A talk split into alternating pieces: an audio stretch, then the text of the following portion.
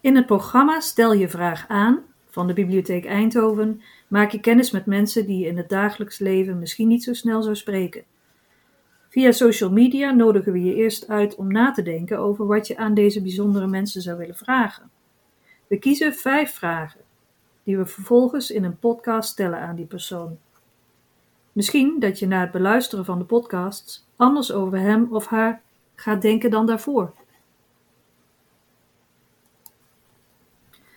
Vandaag maken we kennis met een ex-gedetineerde. Mensen hebben vaak een mening over hem, maar klopt het beeld dat ze hebben wel met de werkelijkheid? Nadat hij zich kort heeft voorgesteld, geeft hij antwoord op vijf vragen van bezoekers aan de Facebookpagina van de Bibliotheek Eindhoven. Ik geef nu het woord aan de ex-gedetineerde. Goedemiddag, uh, ik ben ex-gedetineerde en uh, ik heb vastgezeten voor uh, het smokkelen van drugs. Daar ben ik uh, in Duitsland voor gepakt, softdrugs. En daar heb ik een uh, behoorlijke gevangenisstraf voor gekregen. Terecht, ik bedoel, je kunt lullen wat je wil, maar het is gewoon terecht. En ehm, ik ben benieuwd wat mensen daarover willen weten. En wat daar, ehm, wat jullie ja, taboes zijn, wat jullie verwachtingen zijn en, en wat jullie, ja, ik hoop dat ik jullie vragen kan beantwoorden. Dus ik ben zeer benieuwd wat de vragen zijn. Dus ik zou zeggen, kom maar op. Dan uh, begin ik met de eerste vraag. Waarom deed je wat je deed? Ja, dat is, dat is mooi dat ik er net dus niet beantwoord heb, want dat wilde ik al eigenlijk meteen zeggen. En dat, dat, dat, dat komt dat bij mij is, is de natuur van uh, meteen gewoon eerlijk zijn. Uh, dat hoor je niet vaak van ex-gedetineerden, maar in mijn geval wel. Uh, ik heb, um, um, ben drugs gaan smokkelen, omdat voor mijn gevoel geen opties meer waren uh, in, het, in het gewone leven om van mijn uh, 40.000 euro schuld af te komen, die ontstaan is door ziek worden, rekeningen niet meer kunnen betalen, gewoon echt heel hard teruggaan in inkomen, van 3000 plus naar iets boven de 1000 euro. En mijn vrouw en ik wisten het niet meer, dus wij zijn de fout ingegaan door de verkeerde keuzes te maken, want het is natuurlijk een keuze, je kunt zeggen wat je wil, maar het is gewoon een keus geweest om dat zo te doen. En uh, daar, daar, zijn we voor gepakt. Oké, okay, dankjewel. De tweede vraag is: heb je gevoelens van schuld en hoe ga je om met dat schuldgevoel? Um, dat, is, dat is een hele mooie, goede vraag. Ik heb geen gevoelens van schuld en nog geen gevoelens van spijt. En dat zullen heel veel mensen raar vinden.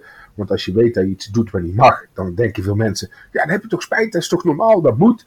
Nee, dat moet helemaal niet. Uh, mijn leven is uh, sinds dat ik de fouten ben gegaan, vast heb gezeten en weer buiten ben gekomen, is zo anders geworden dan daarvoor. En zoveel fijner eigenlijk voor mezelf. Uh, open kaart kunnen spelen naar familie, gewoon weer eerlijk kunnen zijn tegen iedereen. Um, je, je, niet hoeven te verstoppen voor dingetjes die fout zijn gegaan. Gewoon je leven weer opnieuw vastpakken, in de rit krijgen, weer op de rails en opnieuw beginnen. En daarom ben ik nou waar ik nu ben. En als ik dat niet had gedaan, als ik geen drugs had gesmokkeld, ik had niet vastgezeten, dan heb ik geen idee of ik nou degene was geweest die ik nu ben. En of ik daar gelukkig mee geweest zou zijn. Dus ik heb op dat gebied heb ik absoluut geen spijt of, of, of, uh, uh, of zo daarvan. Het enige wat ik, wat ik vervelend vind, en dat meen ik serieus, dat is het enige wat me echt heel erg pijn doet nog steeds, is dat ik kan um, de dag nooit meer vergeten dat mijn ouders mij op bezoek, uh, bij, mij bezoek kwamen de eerste keer in, in de gevangenis. En dat, deed mij, dat heeft mij heel, heel erg geraakt. Ik bedoel, iedereen heeft een goede band, hoop ik tenminste, heeft een goede band met zijn ouders, dat is de bedoeling. En uh, als je dan ziet dat, wat jij hebt teweeggebracht bij jouw ouders, bij de mensen die jou op de wereld hebben gebracht, ja, dat had ik graag niet gehad. Dus als ik iets zou willen veranderen, is het dat. Maar niet wat ik heb gedaan. Ik had graag gehad dat zij er wat makkelijker mee om hadden kunnen gaan. En vooral mijn moeder heeft er veel moeite mee gehad. En, en af en toe nog. Um, ja, en dat is vervelend. Maar verder, spijt? Nee. Oké, okay, de derde vraag is: Was het moeilijk om bij terugkeren in de maatschappij weer passend werk te vinden? Ja, dat is nooit meer gelukt. Um, het, het grootste probleem van, van eigenlijk gewoon van, van de maatschappij, misschien wel wereldwijd, of misschien niet eens alleen Nederland, is dat er een bepaalde taboe wordt ge gelegd op bepaalde dingen. Bijvoorbeeld, je bent ex-gedetineerd. Nou, dan krijg je een, een, een, een, een, stempeltje op je voorhoofd en dan doe je niet meer mee. Eh, je komt van het buitenland, je hebt er een andere achternaam, een paar andere stapel, je wordt nu uitgenodigd voor een gesprek. Uh, je hebt rood haar, oh, een ginger, oh, die willen we ook niet hebben, dus die ligt ook op een andere stapel. En dat is met mij ook als ex-gedetineerde. Ik word gewoon op de verkeerde stapel gelegd, waardoor mijn sollicitaties niet serieus worden genomen. Heb ik dat zelf gedaan? Ja, tuurlijk heb ik dat zelf gedaan. Alleen, ik word op die stapel gelegd doordat de regering, de, de, die heeft ooit bedacht dat we een VOG maken, verklaring omtrent gedrag. En um, door die VOG kun je weten of iemand een strafblad heeft. Je, kunt niet, krijgt niet horen wat ze hebben gedaan, maar je krijgt een advies of ze je mogen aannemen. Of, of het goed is dat ze je aannemen. Dus ik ga ergens solliciteren, ik noem maar iets, ik ga solliciteren bij de, de, de bibliotheek. En dan zeggen ze, nou is goed, uh, maar we willen graag een VOG zien, verklaring omtrent gedrag. Dan ga ik die aanvragen en dan zegt de gemeente, zeg, ja, die meneer heeft een strafblad, dus uh, doe maar niet. En het is een advies. Het is helemaal geen bindend iets. Het is een advies waar iedere werkgever mee mag doen wat hij wil. Als dan de Biep zegt in Eindhoven, of in Tilburg, of in Timbuktu. Hé, hey, dat willen we toch, want een ex-gedetineerde kan wel een ex-gedetineerde zijn, maar wij gaan daar niet uh, anders mee om. Mens is mens, wij nemen hem aan.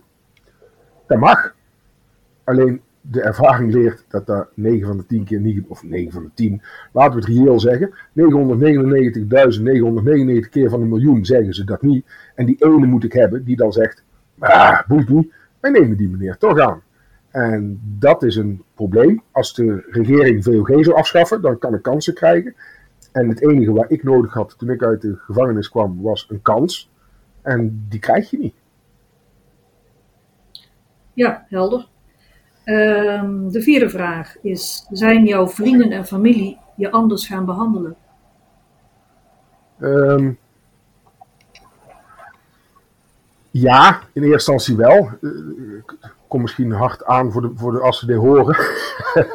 maar gevoelsmatig in eerste instantie wel. En dan neem ik ze ook niet kwalijk hoor, want ik vind dat normaal. Um, ze, ze hebben natuurlijk in eerste instantie, je hebt gelogen. Ik bedoel, je, gaat niet uh, drugs smokkelen en dan ga je niet tegen iedereen vertellen. Dus uh, op het moment dat jij daarvoor gepakt wordt, dan staat iedereen te kijken van, wat, wat gebeurt er nou? Wat heeft hij nou gedaan? En dan ben je natuurlijk niet betrouwbaar. Dus in eerste instantie mm, vertrouwen ze je niet met alles wat je zomaar zegt. Je zult je moeten bewijzen.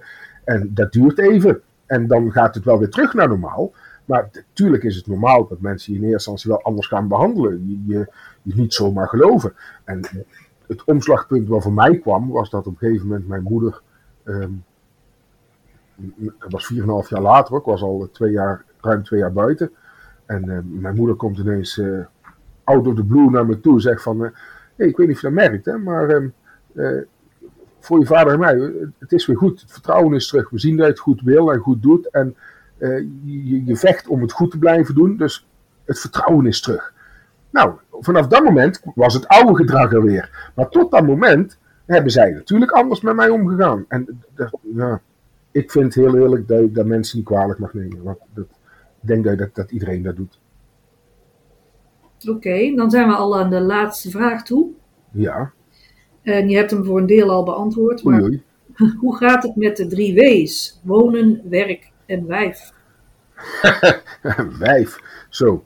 Nou, uh, dat is dan de, de, de, twee, de twee W's en de V in mijn, in mijn geval. Want de, de, de, de, maar wife kan wel. Um, ja, wonen. Geweldig. Ik, uh, ik heb um, uh, bijna drie jaar geleden een kans gekregen van de woningbouw om in een mooie, mooi appartementcomplex te gaan wonen. En dat is ideaal. Ik, ik, woon hier geweldig. Ik heb het enorm naar mijn zin hier en ik kan het goed betalen, want ik heb een, vanwege het feit dat ik ben, wegens ziekte ben ik dus uitgevallen vroeger. Dus ik heb een, een, een via-uitkering die mij gelukkig steunt. En um, ja, ik, ik, heb, ik heb een mooie woning. Ik, ik, ik zit hier geweldig. Ik heb geen werk. Ik doe vrijwilligerswerk waar ik kan, waar ik denk dat mensen dat nodig hebben en kunnen gebruiken. Omdat ik dat belangrijker vind eigenlijk dan zelf een dik salaris krijgen. Want geld vind ik absoluut onbelangrijk. Het is, je hebt het nodig, maar als je hebt wat je moet hebben, dan is het voor mij wat dat betreft gewoon genoeg. En als ik kan eten, ja, eten en drinken, dan is het toch goed. En voor de rest maakt het me eigenlijk niet zo heel veel uit. En over de vrouw, ja. Vrouwen, ik, eh, ik eh, zou graag willen, eigenlijk.